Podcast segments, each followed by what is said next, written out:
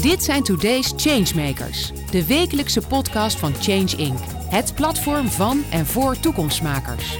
Iedere week gaat Paul van Liemt in gesprek met de mensen die vandaag al grote stappen zetten. Ze zijn open, niet bang, ze innoveren, ze voegen daad bij woord. Verandering als businessmodel. Ben jij dat? Dan zit je bij ons aan tafel. Zonnepanelen zijn een alternatief voor fossiele energiebronnen en spelen een cruciale rol in de energietransitie. Maar wat als zonnepanelen worden weggegooid? De meeste afgedankte zonnepanelen in Nederland die belanden nog steeds in de shredder. Hoe moet een duurzame branche verduurzamen? SoLarge biedt een oplossing, maar hoe dan? Bij mij in de studio, Jan Vesseur. Welkom Jan. Dankjewel. Ja, dit is een, ik zeg het nu allemaal vast, een groot verhaal waar grote partijen bij betrokken zijn, die samen moeten werken. Dat vergt ook iets van, van leidinggevende capaciteiten. Nou treft het dat jij daar uh, flink wat ervaring mee hebt opgedaan uh, in je leven, in je lange leven mag ik zeggen. Hoe oud ben je? Ik ben uh, 57. Ja, dat ja. bedoel ik, weet je, nog hartstikke jong, maar toch al heel veel gezien. Maar voordat we daarover beginnen, eerst, dat doen we altijd in deze reeks van Changemakers. Wat is jou opgevallen in het nieuws afgelopen tijd? Nou, de afgelopen week is natuurlijk een hele bijzondere week, Paul, omdat er ontzettend veel gaande is. Hè. Prinsjesdag, uh, Rusland. Uh, ik wilde iets uitpakken wat, wat specifieker naar, naar ook ons als Solarge wijst. En dat heeft te maken met dat de metaalsector heeft aangekondigd dat ze de komende jaren 2, 9% salarisverhogingen gaan geven aan de ene kant hartstikke goed. Hè? Ik denk het belangrijk is dat mensen in, in deze moeilijke tijden gesteund worden.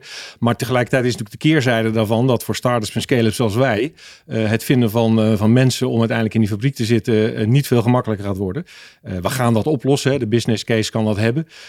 maar zo zie je dat natuurlijk dingen die in eerste wat ver weg lijken, dan onmiddellijk ook weer voor ons als start-up implicaties hebben. Maar heel goed en interessant dat je dit meteen zegt. Wil ik wel even op doorgaan. Want je merkt inderdaad dat in eerste instantie zeggen dat is geweldig en zo. Dan denken mensen ook, oh wacht even, dat is steun. Dan zijn we bijna gewend geraakt. Ik wil niet vervelend doen, maar het wordt bijna een infuus waar je aan ligt. Ja. Dat wil je ook niet. En dat is voor mensen ook niet goed. Dan blijf je ook uh, continu afhankelijk. Dat is inderdaad de keerzijde. Dat klinkt niet uh, populair om dat nu te zeggen, maar daar heb je wel degelijk mee te maken. En dan is het al zo moeilijk om mensen te krijgen. Helpt dit? Mensen denken dat dit op korte termijn wel helpt om ook nieuwe mensen aan te trekken. Want kijk eens even, nou, niet alleen loonsverhoging voor bestaande, maar ook voor mensen die nieuw bij je komen. Ja, nou, mijn gevoel uh, is dat het voor die sector heel belangrijk is. Hè? Want, je, want je ziet eigenlijk dat natuurlijk overal mensen tekort zijn. Dus dan is het vooral belangrijk als we in Nederland industrie willen houden, dat we, dat we mensen in die sector ook perspectief bieden hè? En, en, en, uiteindelijk een, een goed loon bieden. Dus ik denk aan de ene kant dat dat heel goed is. Tegelijkertijd, wij zitten in Weert, hè, ten zuiden van Eindhoven. In Eindhoven zitten heel veel knappe koppen. ASML, hè, uh, DAF, VDL. Uh, daar moeten we uiteindelijk mee concurreren. Daar moeten we mensen vandaan halen. Of hè, als wij ze ergens anders vandaan halen, dan uiteindelijk moeten ze toch weer daar vandaan komen. Het feit dat die salarissen daar al stevig zijn en ook nu weer een flinke duw krijgen, ja, dat maakt het ingewikkeld. Maar ik vind wel echt heel belangrijk om te zeggen dat het heel belangrijk is dat we het wel doen. Ja. Hè? Dus uh, nee, dat is vooral. Nee, leg het beltje niet bij neer. Dat zou nee, gek zijn natuurlijk, want nee. er is nogal wat aan de hand. Nou, so large, wat is het precies? Want het, ik heb al aangekondigd, het is iets groots. Het is een samenwerking van veel partijen. Maar leg maar uit wat jullie doen. Ja, wij maken uh, kunststof zonnepanelen die, uh, doordat ze van kunststof zijn, uh, een aantal hele grote voordelen hebben. Het belangrijkste op het eerste blik is dat het lichtgewichtpanelen zijn. Ze zijn de helft lichter. Dat betekent dat je op een heel veel daken in Nederland, maar ook in landen om ons heen, waar je nu geen glazen panelen kunt leggen, straks wel onze panelen zou kunnen leggen. Maar omdat ze van kunststof zijn, hebben ze een veel lagere CO2 footprint om te maken. Het is interessant als je naar zonnepanelen kijkt, dan zie je eigenlijk dat we, we weten allemaal dat als je ze eenmaal hebt, dan uh, leveren ze CO2-vrije energie op. Maar om ze te maken is er nog verrassend veel CO2 voor nodig. En dat doen wij uh, nu al 25% lager, maar dat gaat nou wel 80% minder CO2 om ze te maken. Wij gebruiken geen toxische stoffen. Dus bijvoorbeeld PFAS, wat in heel veel panelen gebruikt wordt, hebben wij ook niet aan boord. En ten derde, en dat is heel belangrijk, je noemde het al in je inleiding, de circulariteit is, is cruciaal. Ons paneel is circulair. Dat betekent dat je aan het einde van de levensduur ze volledig uit elkaar kunt halen en alle materialen kunt hergebruiken. En dat is natuurlijk een enorm verschil met de traditionele glazen panelen, Zeker. die zoals jij al zei, in de schiller gaan en uiteindelijk in het asfalt verdwijnen eigenlijk. Dus dat, dat zijn de grote verschillen. Maar enorme stappen vooruit. En nou gaan we even door. Nou, okay, je bent toch op dreef, dus nou, gewoon, ik, ik ben bij iedereen vallen. Ja, we zijn er zelf ook heel enthousiast over, Paul, dus ik kan er, ik kan er veel ja. over vertellen. Wat, wat ik vooral ook interessant vind, um, is dat wij, doordat we geen glas en geen aluminium gebruiken, uiteindelijk een, een hele mooie local for local fabriek ook kunnen aanbieden. Dat betekent dat we korreltjes kunststoffen naar binnen halen en cellen naar binnen halen en daarmee het paneel maken. En dat betekent, betekent dat je deze fabriek dus overal in de wereld zou kunnen neerzetten. Vandaag de dag komen 95% van de panelen uit China. Uh, en wat ons betreft moet dat heel anders. Eigenlijk zou iedere land zijn eigen zonnepanelenfabriek willen hebben. We weten al hoe het is om afhankelijk zijn van Rusland. Dat wil je zeker niet van China. Dat wordt Precies. dan het volgende probleem. Precies. En, en dat is ook wel wat dat betreft natuurlijk enorm gedraaid de afgelopen 12 tot 24 maanden. We, toen wij 24 maanden geleden ook bezig waren om geld te halen. Toen zei iedereen, ja Jan, waar zijn jullie nou mee bezig? Wat denk je nou? Die panelen komen gewoon uit China. Waarom wil jij dat in Nederland gaan doen? Want dat is volledig gedraaid. Nee, dat is heel mooi. Dat is in jullie voordeel geweest. Dat is toch, dat, je mag dit visionair noemen haast. of, of, zeg je ja, gelukkig zo, omstandige loop van de geschiedenis? Ja, nee, ik, ik, zou het graag willen dat het visionair is. Maar, maar soms word je uh, nadrukkelijk geholpen door de tijd. En ik denk dat, uh, ik zeg vaak, als je naar startups kijkt, zijn er twee dingen heel belangrijk. Hè? Mensen. En wat mij betreft timing. En timing is veel belangrijk. Ik heb ook een keer in een start-up gewerkt in 2008, die dan volgens door de financiële crisis, waar je niks aan kunt doen, uiteindelijk het heel moeilijk heeft gekregen. En nu is het precies andersom. Wij zijn in 2017 begonnen met nadrukkelijk de ambitie om uh, circulaire zonnepanelen te maken, maar ook een alternatief voor China te leveren. En dat verhaal is de afgelopen vier jaar natuurlijk volledig in ons voordeel gedraaid. Zeker, dat is heel prettig. Nou zie ik ook voor jullie zeker, misschien voor de wereld ook, want het gaat over circulair en duurzaam. Nou zijn het wel hele grote woorden. Interessant is natuurlijk ook dat net in de week dat wij spreken, of net iets daarvoor, de, de, eigenaar van Patagonia, die heeft een hele grote stap genomen. Die had zijn bedrijf naar de beurs kunnen brengen, aan investeerders kunnen verkopen, heel duur kunnen worden. Hij zegt nee, we hebben maar één aandeelhouder en dat is de aarde. En hij durft het woord duurzaamheid niet meer in de mond te nemen. Vond ik best interessant uit zijn mond. Hij zegt, je moet naar de hele keten kijken, precies wat jij doet. Wat mensen vaak ook vergeten. Zeg, ik wil duurzaam zijn over de hele keten, dat kan nooit, maar noem het maar vooral maatschappelijk veranderd ondernemen. Want dat is het eigenlijk. En meer kun je niet, dus je doet zo goed als je wil. Want voor je het weet komen inderdaad uh, uh, media op je af en die pikken er dan net doe je alles goed, maar één dingetje niet. En zie je wel niet duurzaam. Ja. Dat wil je voorkomen. Ja, absoluut. Nou, ik, ik denk dat je daar een, een heel mooi voorbeeld geeft. Hè? Um, wat de meneer van Patagonië gedaan heeft. Uh, wat wij als Solarge uh, eigenlijk een, een meerdere dingen uh, willen doen. Dus aan de ene kant, we maken het duurzaamste zonnepaneel voor de toekomst. En dat is heel belangrijk. Maar we willen dat ook op een goede manier doen. Dat betekent dat we goed met onze mensen omgaan. dat we goed met al onze stakeholders omgaan. Dus op alle fronten het juiste doen. Ik heb daar nog wat persoonlijke ambities bij. Dat ik ook graag zou willen dat we uiteindelijk met als we er geld mee verdienen, dat we daar ook de goede dingen mee doen. Maar uiteindelijk ben je daar ook weer afhankelijk van je aandeelhouders. En maar wat, je wat zou jij, als je, nee, sorry, maar stel dat jij dat persoonlijk zou mogen bepalen, wat zou je dan willen doen? Nou, ik zou graag een, een deel van, uh, van de winst uh, in projecten stoppen waar we onze panelen uh, ter beschikking stellen. Dat zijn dingen, dat zouden we kunnen doen. Beetje richting steward ownership. Nou ja, ga ik wel heel ver, maar dat is het wel. Ja, dat is heel erg belangrijk. Het is dus niet alleen een goed product, maar het is ook het bedrijf op de goede manier met elkaar runnen. Uh, maar goed, daar heb je altijd wel meerdere partijen voor nodig. Ik denk dat we de goede aandeelhouders hebben om dat te doen. Dat die dat allemaal ook wel zullen ondersteunen. Maar uh, realiteit is, moeten we eerst maar zorgen dat we het gaan doen. We, we, staan nu aan de vooravond van het opbouwen van die fabriek.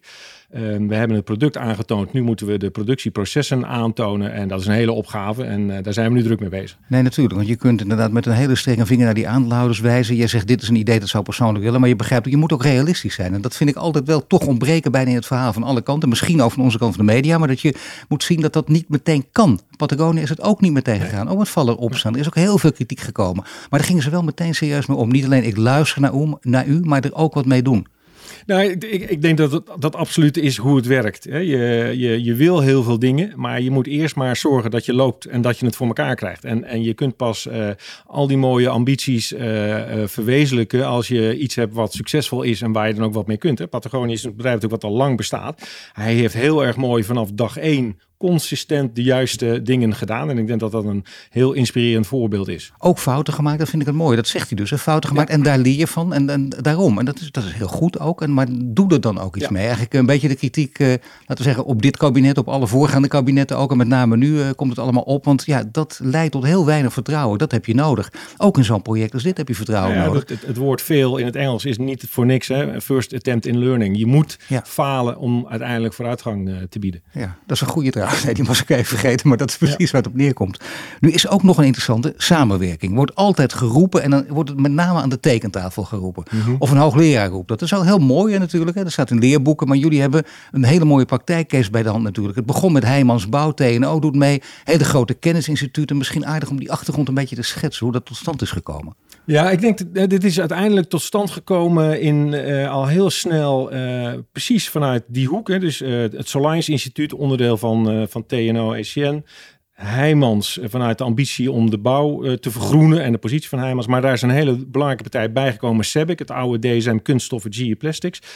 Um, die eigenlijk met z'n drie aan de tekentafel zaten en zeiden: we moeten een uh, geïntegreerd solarproduct maken. Uh, waarbij meteen duidelijk was dat Sebik als leverancier van kunststoffen uh, korreltjes wil leveren, maar geen product gaat maken. En Heijmans als afnemer van daken zegt, ja, ik wil wel daken verkopen, maar ik ga het niet maken. En daar eigenlijk vanuit die uh, situatie, vanuit alle drie de kanten, dus zowel vanuit TNO als vanuit Sabik en Heijmans gezegd, er moet dus iets gebeuren, jongens, willen jullie dat doen? Nou ben ik met mijn twee collega's aangeschoven, want dat zijn de twee technische breinen van het verhaal. Ik ben maar de, de simpele econoom. En zijn we aan de slag gegaan. Nou, pas op, ik ken economen die zichzelf helemaal niet nee, vinden. Heel, die zijn heel belangrijk economen. Ja, ja, Nou, ik, ik maak er graag wat, uh, wat, wat nuchtere opmerking bij. Maar uh, absoluut, het hoort natuurlijk. Het, het, het, verhaal is altijd drie dingen: hè? De, de, de techniek, de mensen en de cijfers moeten kloppen. Ik, ik geloof ook absoluut dat duurzaamheid absoluut uh, goed is voor de portemonnee uiteindelijk als we de juiste dingen doen. Nou is het wel, ja natuurlijk, dan komt het neer op groene groei. Daar kun je alle etiketten op plakken, maar je weet, hè, Barbara Baarsma, over economen gesproken, die onlangs een boek over schreef, Groene Groei, die er ook heel veel kritiek, terwijl ze met, met gewoon allerlei proefballonnen komt, dus er moet discussie over komen, heel veel kritiek meteen krijgt. Maar groene groei is precies wat jij bedoelt ook. Absoluut, absoluut. Wat, wat daar wel bij hoort, en uh, dat is denk ik heel erg belangrijk, is dat we moet, eigenlijk moeten stoppen met praten. We moeten het doen. Er, zijn ontzettend veel mooie initiatieven waarbij je zegt: ga het gewoon met elkaar doen. En we hebben in Nederland natuurlijk een, een hele ingewikkelde structuur opgetuigd. Waarbij allerlei partijen willen meepraten en iedereen daarover mee wil uh, denken. Het gaat uiteindelijk om dat je de partijen die het doen aan de onderkant uh, de mogelijkheden geeft. En gewoon gaat beginnen met die projecten. Maar wat zijn daar de hobbels? Is het daar wetgeving dat in de weg staat? Is het dan toch een spoldermodel? Um, ja, uiteindelijk begint het bijna allemaal natuurlijk met dat je centjes voor elkaar krijgt. En daar hebben we het in Nederland. Uh, we, hebben, niet heel veel grote uh, venture capital investeerders, risico-investeerders die dat doen, zoals in Amerika wel en andere grote Europese landen ook meer. Dus wij hebben best heel veel uh, overgegeven aan de overheid en met de regionale fondsen en InvestNL. En dat is, met alle respect, best wel een hele stroperige wereld. En dat zeggen we ook steeds, het ene fonds na het andere, dat zien we nu ook wordt opgetuigd. Dat is uh, over stroperig gesproken, inderdaad. Jammer dat we dit niet hebben, want hoe, hoe kun je dit eigenlijk, uh, ik bedoel, heb je lang over nagedacht, neem ik aan. Daar ben je al heel lang ook mee bezig, want nou, dit is het allerbelangrijkste. Ja, ik, ik Money speaks louder than words. Uh, ja, ik, ik zit eigenlijk al heel lang in die hoek. Ik heb natuurlijk op een gegeven moment bij een venture capital bedrijf gewerkt. Dan zie je het aan de andere kant. Ik heb bij eerdere start-ups gedaan. Ik heb meerdere keren met regionale investeringsfondsen gewerkt. En ik zie absoluut het nut hè, van dat je als overheid dingen stimuleert. En, en, ehm, maar tegelijkertijd is, gebeurt dat op een manier uh, ja, die eigenlijk veel sneller en efficiënter moet. Nou kun je er onmiddellijk allerlei kanttekeningen bij maken dat het natuurlijk om, om, ons geld gaat hè, van de belastingbetaler. Dus je moet er voorzichtig mee zijn. Um, maar we hebben wel een hele ingewikkelde structuur opgetuigd met die regionale fondsen en InvestNL. Um, Dus ik ben uiteindelijk, hè, we hebben nu uh, allemaal informal investors in de eerste ronde aan boord. Het zijn gewoon succesvolle ondernemers die gezegd hebben: luister, wij hebben uh, succes gehad met wat wij doen en wij willen bijdragen aan die duurzame wereld. En die zijn eigenlijk vrij snel er ingestapt. En daar zijn we ontzettend blij mee. En hoeveel uh, heb je uiteindelijk opgehaald? Of zijn dat geheime cijfers? Nee, we hebben uh, zeg maar in totaal investeringen uh, van, van eigen vermogen, vreemd vermogen en subsidies nu 18 miljoen bij elkaar gehaald. Dat is natuurlijk, daar zijn we ontzettend blij mee. We hebben een hele mooie subsidie van de RVO, de DI Plus, Demonstratie Energie Innovatie. Um, dus de, de combinatie van de drie uh, ja, maakt het voor ons mogelijk om eigenlijk he, onze hele ambitiestuk rond die fabriek nu allemaal te doen. Ja, dat is de eerste stap inderdaad. Want 18 ja. miljoen, dat klinkt heel mooi. Je moet die cijfers ook altijd in perspectief plaatsen. Ik denk als ik hoor van andere grote projecten dat dit inderdaad een beginstap is. Logisch ook, maar je hebt veel meer nodig natuurlijk dan 18 miljoen. Ja, je hebt veel meer nodig. Want uiteindelijk is de ambitie om met dit product uh, serieus die solar-transitie uh, te versnellen, maar met name ook te verbeteren. Hè? Dus die uh, solar is groen, maar het product zelf niet. En dat willen wij vergroenen. Dus de, ja, de eerste fabriek is slechts de eerste stap in onze optiek van velen. Ja. Maar dat is geweldig. Dat past toch weer het Patagonia-verhaal. Want hij heeft het dan niet over groene groei, maar goede groei. En dat gaat dus over de hele keten. En dat is inderdaad hoe je dat ook moet doen. Dus niet alleen erover praten, maar hoe doe je dat? En dat zie je dan ook. Dat kun je terugzien of het wil. Kun je gewoon berekenen ook of het goed gelukt is of niet. Ik wil wel iets weten over de manier van leiding geven. Want dat, het, het lijkt simpel wat jij nu zegt. Dan denk je, oh, dat doe je eventjes. Nou, dat doe je niet eventjes. Daar heb je ervaring voor nodig, denk ik ook, om dit, deze partijen allemaal bij elkaar te krijgen. En allemaal, uh, nou ja, dat, dat, dat ze allemaal ongeveer op één lijn zitten. Hoe heb je dat gedaan? Want ik denk dat dat heel interessant is voor veel mensen die hier naar luisteren, zelf ook leidinggevende zijn, die dat willen horen. Ja, nou, kijk, wat natuurlijk wel enorm helpt, is dat zowel Sebek in dit geval en Heijmans toch echt wel hun eigen agenda ook hier zagen. Van verdraaid, dit willen wij. Hè? Dus het is niet zo dat we ze met de haren bij moeten trekken. Um, vervolgens denk ik, um, en, en dat hebben wij vanaf uh, dag één als founders, als uh, we zijn ruksigloos transparant. We vertellen alles aan onze partners, alle goede dingen, maar ook alle slechte dingen. Dus we hebben vanaf dag één alle tegenvallers die je natuurlijk tegenkomt met elkaar gedeeld en hoe gaan we het samen oplossen. Waardoor je ook echt een, ehm, ja, een, een gevoel krijgt dat je het samen doet. Dus we hebben natuurlijk een aantal stevige discussies gehad als het gaat over hè, van wie is nou de technologie en hoe zit de licentiemodel in elkaar. Dat zijn, dat zijn stevige discussies. Ja, maar dat bedoel ik, want daar gaat het natuurlijk om. Dan ben je, dit is het, dan, kan een, dan kun je denken, nou, we hebben hiervoor gekozen. Maar dat is, dat is altijd risico. Dan moet je ook, je moet die risico's nemen. Maar dan, daar gaat het nou net om. Dan denk je, wacht even, dat moet ik toch maar niet vertellen, want de andere partij houdt er onmiddellijk mee op. Kun je één voorbeeld van zo'n discussie geven? Ik snap dat je niet altijd in detail kan treden, maar wat je kunt vertellen. Nou, het, misschien moet ik het anders formuleren. Als je, als je bijvoorbeeld kijkt naar met name hè, de, discussies over licenties, dat is natuurlijk heel belangrijk. Iemand heeft iets uitgevonden en, uh, en, en iemand anders wil het gebruiken. Um, ja, hebben we met elkaar heel nadrukkelijk de, het einddoel uh, neergezet waar je naartoe wil. En dan zie je beide de belangen en, en de voordelen die dat oplevert als je het op die manier doet. Um, en, en dat is denk ik een manier om het, om het te proberen te, te op te lossen. Ja, maar je zegt je deelt dus ook met elkaar waar het uh, even mis kan gaan of waar een hobbel uh, tevoorschijn Absoluut. Dat is volgens mij cruciaal om, uh, om dit soort consortia... Maar mag je daar dan een voorbeeld van geven? Um, ja, zegt, dit was echt een hobbel. Dat, dat, dat, ik zou mezelf proberen me even jou te verplaatsen. Ik denk, dit kunnen we beter niet naar buiten brengen. Dat zou ik het liefst horen. Omdat je weet dat een van de partijen dan uh, niet meer, uh, niet meer aan ja, we, we hebben in de discussies rond zeg maar, hoe je met elkaar samenwerkt... dat soort hobbels niet gehad. Wat we, wat we wel hebben gehad is dat ook in het ontwikkelingsproces... je soms op hobbels loopt. Hè, dat technisch niet zo gaat als je wil. Uh, maar ook daarin hebben we onmiddellijk met met name Sebek in dit geval... Hè, de, de, onze kennispartner heel open over gesproken... van dit zijn de problemen en helpen ons het op te lossen. Um, en, en daar zijn ze volledig ingesprongen en hebben daar heel snel mee geholpen. Maar in, het, in zeg maar de arrangement, hoe we met elkaar samenwerken, hebben we eigenlijk nooit echt hele grote hobbels gehad. En het heeft ook te maken met het feit, misschien wel goed om dat aan te geven, dat voor Sebic, wat natuurlijk interessant is, want dat is een, uh, een, bedrijf volledig, uh, een chemisch bedrijf uit Saudi-Arabië, zittend op een enorme bel olie waar ze wat mee willen.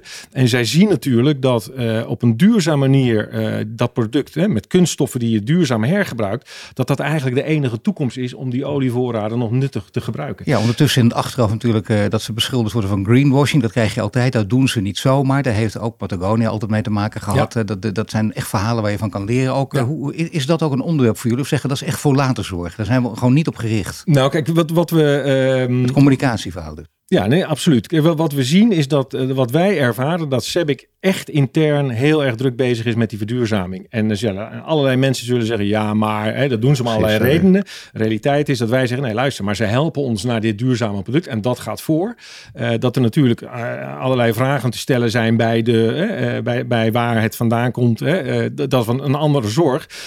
maar wij zijn ontzettend blij met een partner die door alle geledingen waar wij met hun over praten, maar één ding uitstralen. En we willen dat met duurzame, gerecyclede kunststoffen doen. Ja, dat is ook een belangrijke. Tot natuurlijk inderdaad uh, bijvoorbeeld een team van Follow the Money opduikt en denkt, oh hadden we dit maar wel of niet gedaan. Want voor je het weet, je kunt altijd, wat ik al zei, je kunt altijd ergens op richten en dan vind je wat. En dan, is, dan kun je inderdaad niets meer aanpakken. Je zou daar misschien tegen bedrijven kunnen zeggen, tegen CEO's ook, uh, CFO's denk ik ook zelfs. je kent beide posities, gewoon iets meer risicobesef, iets meer durven ook. Ja, het, het, modieus gezegd bijna moet tonen, maar ja, dat, dat verwacht je toch in deze tijd. Maar ja, het is uh, in die zin, um, het is niet zwart-wit. Dus, dus nee. je, je, we proberen dingen te realiseren en dan, dan weet je dat je in eerste instantie op sommige fronten misschien niet optimaal bezig bent. Maar het gaat om het doel waar je uiteindelijk naartoe werkt. En die andere zaken kun je op een later moment meenemen. Ik noemde je eerder, hè, wij willen ook een goed bedrijf zijn voor onze werknemers. Uh, en ik denk dat dat wel zijn. Hè? We hebben, maar uh, prioriteit één is dat product afronden.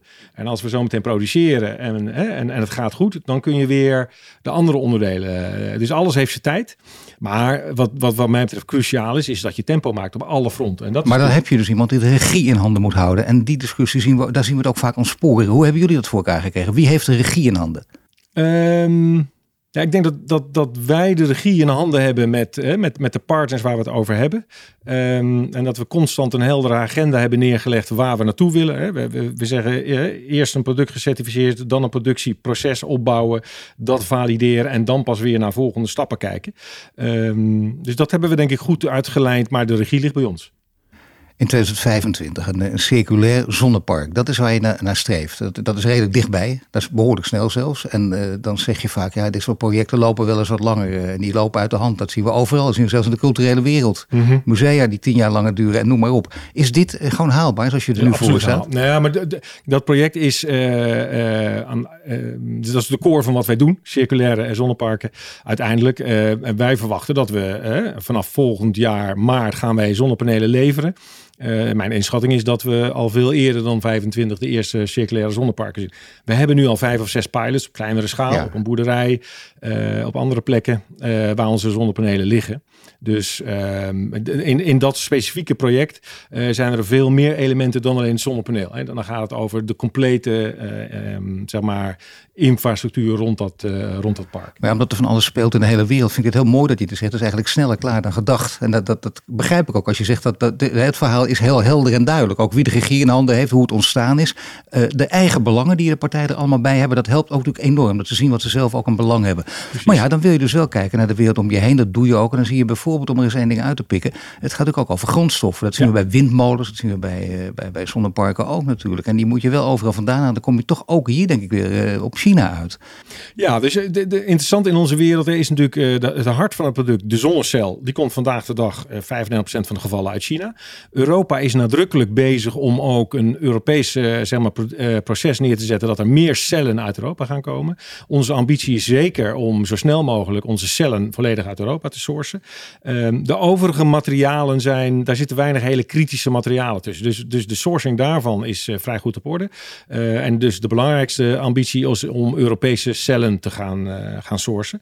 maar het is absoluut heel erg belangrijk. Ik las toevallig, ik, ik zat nog even te twijfelen of dat het punt was wat ik moest noemen.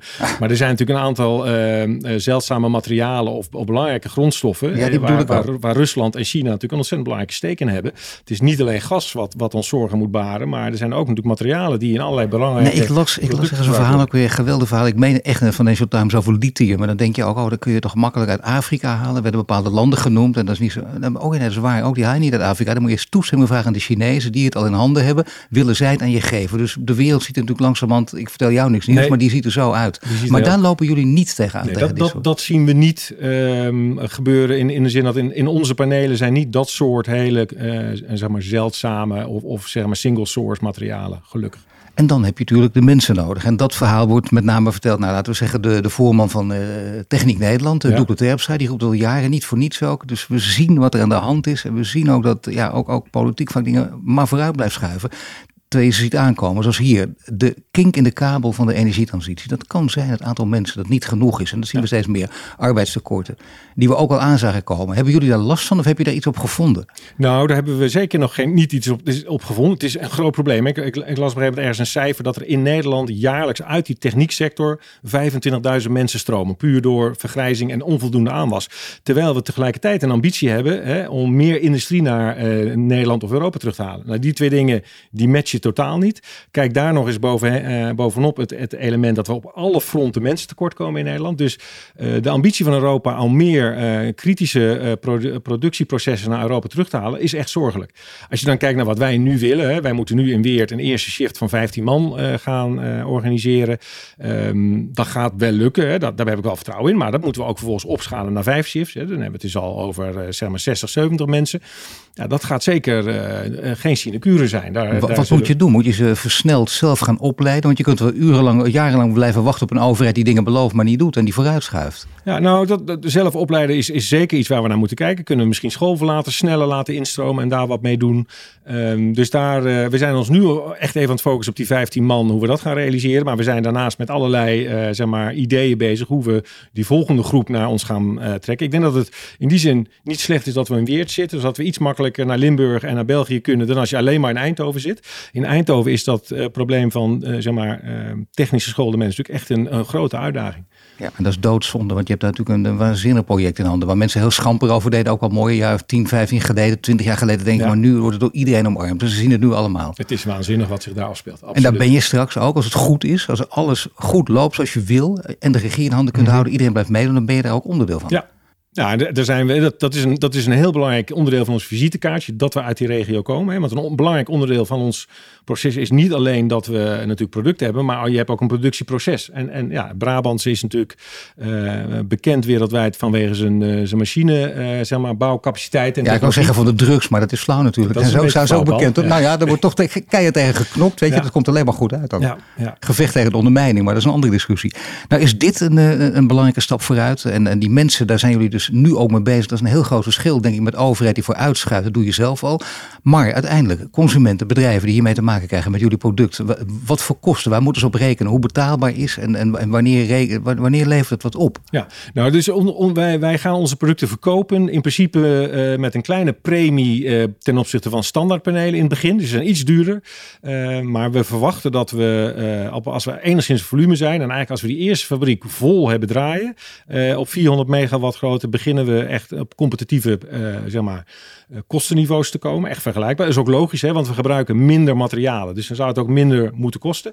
Um, de vraag, andere vraag is natuurlijk, maar waar ga je ze voor verkopen? Want het is natuurlijk, we hebben een product met een aantal mooie USP's. Dus daar willen we ook wat waarde voor krijgen. Um, maar uh, het is absoluut een concept wat, en daar hebben we ook altijd op gericht. Maar als antwoord op de vraag, waar, waar wil je ze voor verkopen? Waar, ja. waar kunnen ze allemaal liggen? Waar zien we ze straks? Bijvoorbeeld ook op, op, op, op, kazernes hoorde ik pas ook weer. Die hebben er ook behoefte aan. De kazernes, dat had ik helemaal niet gedacht. Maar ziet, Defensie is ook op zoek. Ja, nee, absoluut. Dus je gaat ze zien op grote distributiecentra, op, op, op boerenstallen. Overal waar ja, uh, gewicht een, een issue is. Maar juist kazernes. Ik zie zelf ook wel een hele interessante is, uh, zeg maar, hè, ons product is heel licht. Dus je, je kunt het ook heel erg makkelijk in een portable-achtig systeem. Hè, voor, oh, ja. voor festivals waar je ook een parkje uit trekt op, op vrijdagochtend. Um, maar een andere route is natuurlijk floating solar. Floating solar heeft een enorm perspectief. Uh, en ons paneel is uh, uit zichzelf al, heeft een aantal mooie voordelen die daar goed zouden kunnen werken. Maar wanneer betaalt het zich terug? Moet je dan altijd denken aan termijnen van, van drie, vijf, tien jaar? Het paneel zelf. Ja. Het paneel zelf, als je, als je, als je kijkt terugbetalen vanuit, uh, vanuit financieel perspectief, heeft natuurlijk te maken met die, met die prijs die je betaalt voor de energie die je krijgt. Dus dat betaalt zich nu eigenlijk heel snel terug, want de prijs is heel hoog. we zaten op enige tijd geleden op 7, 8 jaar terugverdientijd. En ik denk als je dat zou halen, is het altijd goed. wat ik veel interessanter vind, is die, die CO2 terugverdientijd. Ja, en als je nu kijkt naar de traditionele panelen vanuit China, die hebben een terugverdientijd van uh, zeg maar tussen de drie en de vier jaar. Een beetje afhankelijk waar het paneel precies van gemaakt is. Ons paneel gaat naar onder de zes maanden. En dat betekent dat is, dat is natuurlijk een enorme verbetering. En dat maakt het wat mij betreft ook heel interessant om na zeg maar 15 jaar dat paneel te vervangen onder een nieuw paneel terug te leggen die weer 30% meer energie oplevert. Dat je op diezelfde oppervlakte meer energie krijgt. Nu is een beetje de trend dat die panelen zo lang mogelijk blijven liggen. Uh, ja, omdat je er niks meer mee kunt ons paneel kun je juist volledig hergebruiken. Nee, op alle gebieden is dat natuurlijk een van de grote oplossingen voor de toekomst. Dat is duidelijk voor de nabije toekomst ook. Nu is er nog wel één punt.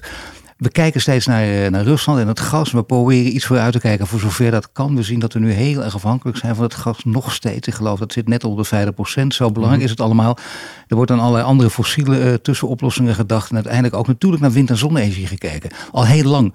Maar zou je kunnen zeggen dat je over vijf of tien of over twintig jaar... dat je dan boven een, een klein percentage zit? Want wanneer kunnen wij daar echt op vertrouwen, op wind- en zonne-energie? Ja, kijk, het probleem is natuurlijk dat je, uh, je moet je voorstellen, we hebben vandaag de dag in, in Nederland in zonne-energie uh, 60 vierkante kilometer liggen. Dat is enorm. Hè? Uh, maar dat moet naar een factor 10, 600. dus het, het gaat gewoon ieder jaar een stapje. Ieder jaar komt dat 10, 12, 15 kilometer bij. Dus het is absoluut niet iets wat je overnight op, de, op de percentage krijgt waar je het wil. Maar ik denk in, in 10, 15 jaar kunnen we echt ons zonnepark zodanig hebben opgeschaald. En, en wind, hopelijk natuurlijk ook dat het echt een substantieel deel is. En dat is natuurlijk heel erg belangrijk erbij. Uh, hoe doe je dat dan met de opslag? Om te zorgen dat wat je uh, overdag opwekt, s'avonds goed kan gebruiken. Nou, je dus stelt zelf de vraag aan, want dat wou ik in nou de ja, Hoe doe je dat? Nou, dat, dat, dat is denk ik een, een hele reeks aan, aan oplossingen. Je hebt de oplossingen die zeg maar dag-nacht moeten gaan verzorgen. Dat is zowel je, je, je thuisbatterij, mogelijk een buurtbatterij. Um, uh, maar je hebt ook juist de oplossing van ja, in de zomer veel zon en in de winter niet. Dus dan moet je naar andere opslagmedia gaan kijken. En dan bijvoorbeeld waterstof. Hè, zijn, zijn dingen die daarin kunnen werken. Dus daar zijn Daar is niet één oplossing voor. Dat is, een, dat is een reeks aan oplossingen. En wat ik het leuke vind aan wat wij als Solarge dan doen hier in Nederland. Uh, we zijn natuurlijk niet een, een Chinese panelenleverancier die op afstand naar al die landen kijkt, maar geen flauw benul heeft wat er in een land zich afspeelt. Uh, wij staan natuurlijk hier midden in de Nederlandse discussie. En wij uh, willen ook graag onderdeel zijn van de oplossing. Niet alleen met ons product, maar juist ook hoe je dat dan inzet. Um, dus dat vind ik wel heel erg boeiend. Dus Gerard de Leden, mijn collega, die is, is ook nog een, een dagje in de week hoogleraar uh, in energie en houdt zich met heel veel van dat soort dingen bezig.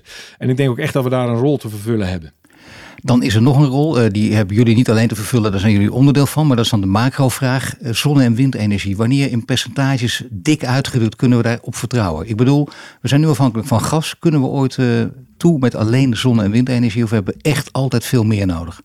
Nou, wat, wat, ik, wat ik begrijp van de experts, ik, ik, ik, ik richt me echt op zon, maar gaan we echt in een situatie komen dat zon en wind uh, een substantieel deel, 30, 40 procent, misschien wel meer van, uh, van, van onze energiebehoefte ja, dat, gaat dat, voorzien? dat is interessant om te horen dat zij. Dus zoveel, dat ja, kan gewoon. Maar daar hoort wel bij die, die, die opslag en vervoer. Hè? en, en dat zijn, dus daar, daar horen ja. hele elementaire bouwstenen bij. En dat maakt dit ook wel uiteindelijk heel ingewikkeld. We hebben het eerder een beetje gehad over de rol van de overheid. En die is toch uiteindelijk heel erg belangrijk om een regiefunctie te nemen om die dingen te laten gebeuren. Dus het, het, het wat ik wel ingewikkeld vind, uh, is dat, dat, je, dat je soms de indruk krijgt dat de besluitvorming over waar we naartoe willen traag en, uh, en soms ook wat diffuus is dat er uitkomsten zijn waar iedereen zegt, ja, is dat nou optimaal? Um, ja, dat vind ik wel heel ingewikkeld. Maar nogmaals, het is ook een heel ingewikkeld proces. Dus ik heb niet de oplossing daarvoor. Um, ik denk vooral dat je snel uh, met pilots en projecten moet beginnen om aan te komen. Kijk, dit werkt. Hè? Dus, dus concepten van buurtbatterijen uh, door mensen kunnen laten delen. Wat we ja. zien in Weert. Hè, we hebben in Weert in onze eigen fabriek ook een dak die geen zonnepanelen kan hebben. Dus nou, hup, zonnepanelen erop.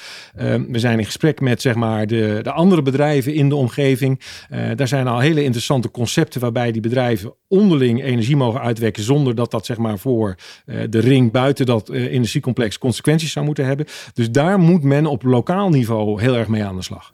Nou ja, jij doet in ieder geval enorm je best. Jullie als bedrijf doen ja. enorm je best en zo. Daar gaan we snel ook wat horen. Dat is aardig om daar tegen die tijd erover terug te praten. Om te kijken wat er gewoon allemaal gebeurd is. Hè, op basis van dit gesprek. Ja. Ik dank je hartelijk, Jan van Zeuren, So Large. En je luistert naar een podcast van Change Inc. Powered by Achmea, Albron, Ebbingen, Renewy en Vattenfall. Bedankt voor het luisteren naar de Today's Changemakers podcast. Een productie van Change Inc. gepresenteerd door Paul van Liemt. Ben of ken jij een changemaker? Meld je dan snel aan via onze Change Inc. website. Wil je dat meer mensen geïnspireerd worden? Deel de podcast dan op sociale media. Wil je meer afleveringen luisteren? Volg ons dan nu via je Spotify, Apple Podcast of je favoriete podcast-app. En krijg een melding wanneer er een nieuwe aflevering online staat.